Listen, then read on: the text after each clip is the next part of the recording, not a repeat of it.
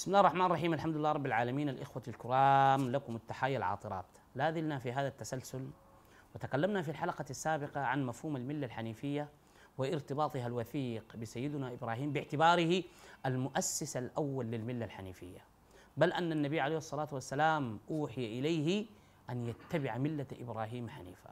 وذكرنا أن الملة الحنيفية أو السمات التي اتسم بها سيدنا إبراهيم ليكون مؤسس الملة الحنيفية هي اعتماده على الحجة والتعقل وليس الاتباع الأخرس وبالتالي لم يعتمد في بيان دعوته إلى قومه على التأييد بالمعجزات الحسية الخوارقية. والآن لنرى نموذج تطبيقي عما كان إبراهيم يفعل. عندما وقعت بينه المناظرة الكبرى مع إبراهيم ومع الملك الذي آتاه الله الملك. يقول تعالى ألم تر إلى الذي حاج إبراهيم في ربه أن آتاه الله الملك؟ إذ قال إبراهيم ربي الذي يحيي ويميت. هنا طبعا هذه الآية تختصر هذه المناظرة وعلينا أن نقرأ ما بين السطور أو نذهب بخيالنا إلى الواقع التاريخي الذي حدثت فيه هذه القصة العجيبة. قال إبراهيم ربي الذي يحيي ويميت. قال أنا أحيي ويميت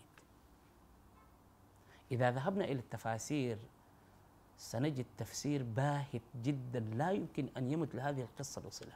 حينما قالوا أن الملك أخرج اثنين من السجن حكم على أحد على على أحدهما بالإعدام وترك الآخر. قال قتلت هذا وأحييت هذا. بالله أسألكم هذه التفاهة أو هذه السذاجه في التفكير يمكن أن تمر عليك أنت المشاهد. دعك من إبراهيم. إبراهيم ده خليه جانب إنت إنت إنت. اللي بتشاهد فيه الآن. لو أنا قلت لك أنا أحيي وأميت. أنا ياسر العدرقاوي أحيي وأميت. جبت اثنين من السجن. قتلت واحد تركت الآخر حي. إنت ده بتقول لي شنو؟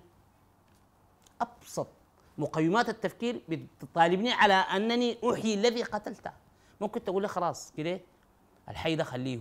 احيي لين اللي قتلته هسي ده. اللي قطعت راسه ده أحييه. مش ده أبسط مقيمات التفكير؟ يعني إذا كان هذا الأمر لم يفت عليك أنت المشاهد تظن أنه فات على إبراهيم؟ فات على إبراهيم أن يقول للملك أو يطالبه بإحياء الذي قتله؟ ابدا يا جماعة. هذه الجزئية تفيد على أن إبراهيم قد هزم في بداية المناظرة. لذلك قفز إلى حجة أخرى. مباشرة. إذا هذا هذا الملك استطاع أن يحيي شخص كان ميت موت كاذب في غيبوبة ظنه إبراهيم ميتا.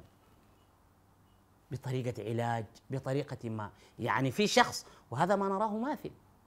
الآن لو ما الجهاز لو ما الأجهزة التي تركب في غرف الإنعاش لا لا يستطيع الإنسان بالنظر أو الما متخصص في الطب أن يدرك على أن الإنسان حي أم ميت. ولذلك توحي على أن إبراهيم هزم في بداية الجولة. لذلك قفز إلى الحجة الأخرى. قفز إلى الحجة الأخرى. لأن هذا الملك استطاع أن يحيي شخص في موت كاذب ظنه إبراهيم ميتا. فقال إبراهيم إن الله يأتي بالشمس من المشرق فأت بها من المغرب. فبهت الذي كفر. السؤال لماذا بهت؟ في سؤال يعني تفتكروا ليه الملك ده لم يقل لإبراهيم أنا الذي آتي بالشمس من المشرق؟ فاسأل ربك يا إبراهيم ليأتي بالشمس من المغرب. مش ممكن أقول له كده؟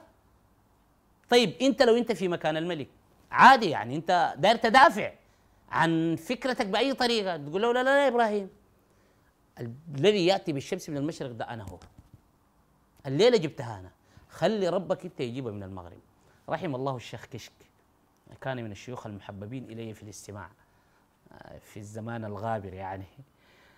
فعندما ذكر هذه القصة الشيخ كشك طبعا بأسلوبه بأسلوبه الخطابي الفريد قال لو أن الملك ادعى أنه يأتي بالشمس من المشرق وطالب إبراهيم ربه أن يأتي بالشمس من المغرب لدعا إبراهيم ربه ولجاءت الشمس من المغرب وقامت القيامة.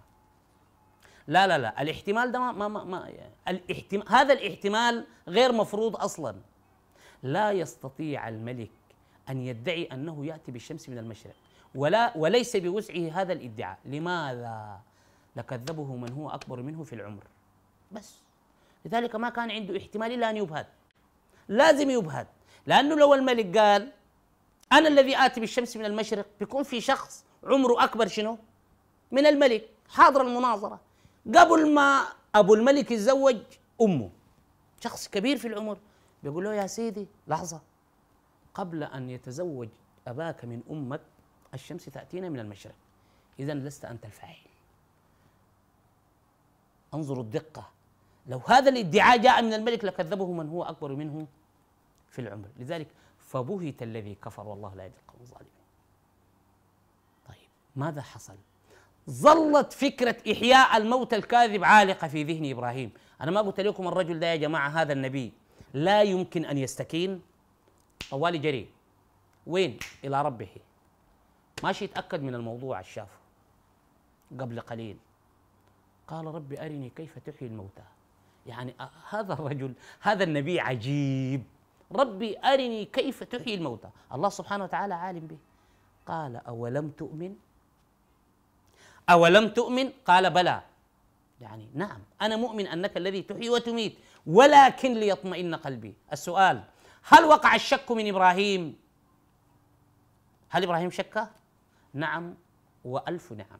والشك هو أساس الإيمان الصحيح. أعلم تماما إيمانك ده لو ما حصلت فيه شكوك البرنامج ده كله لو ما عمل لك حبة بتاعت شكوك في إيمانك الموروث التصوري أعرف تماما أنك أنت مستفيد. وإياك أنك تخاف من الشك في الإيمان. لأنه مرحلة الشك هي التي تسبق الإيمان الراسخ. لأن الإيمان الذي يأتي بعد الشك بيكون إيمان يقيني لا يتزعزع. لكن لو ما سبق الشك مشكلة. إذا إبراهيم مقتنع ومؤمن أن الله هو الذي يحيي ويميت. ولكن هنالك ظلت في نفسه بعض الشكوك. قال بلى ولكن ليطمئن قلبي.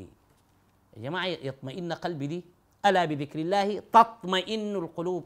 إذا قلبه لم يكن في حالة طمأنينة. وذكرنا في الحلقات السابقة عن مفهوم القلب. القلب لا علاقة له بالمضخة الموجودة في القفص الصدري. القلب إنما هو الدماغ.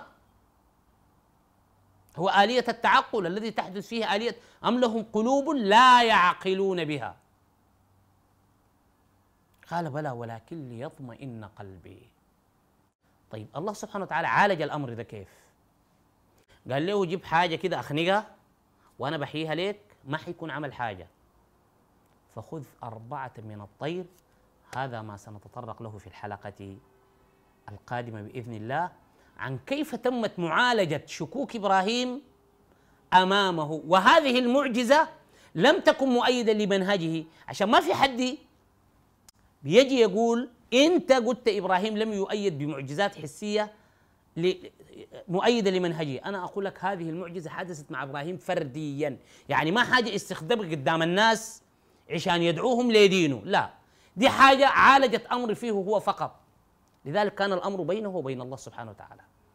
كما قلت لكم في الحلقة القادمة إن شاء الله لنرى كيف عالج الله مسألة الشك الذي احترى إبراهيم في أن الله يحيي هو الذي يحيي ويميت. إلى أن ألتقي بكم أترككم في حفظ الله ورعايته.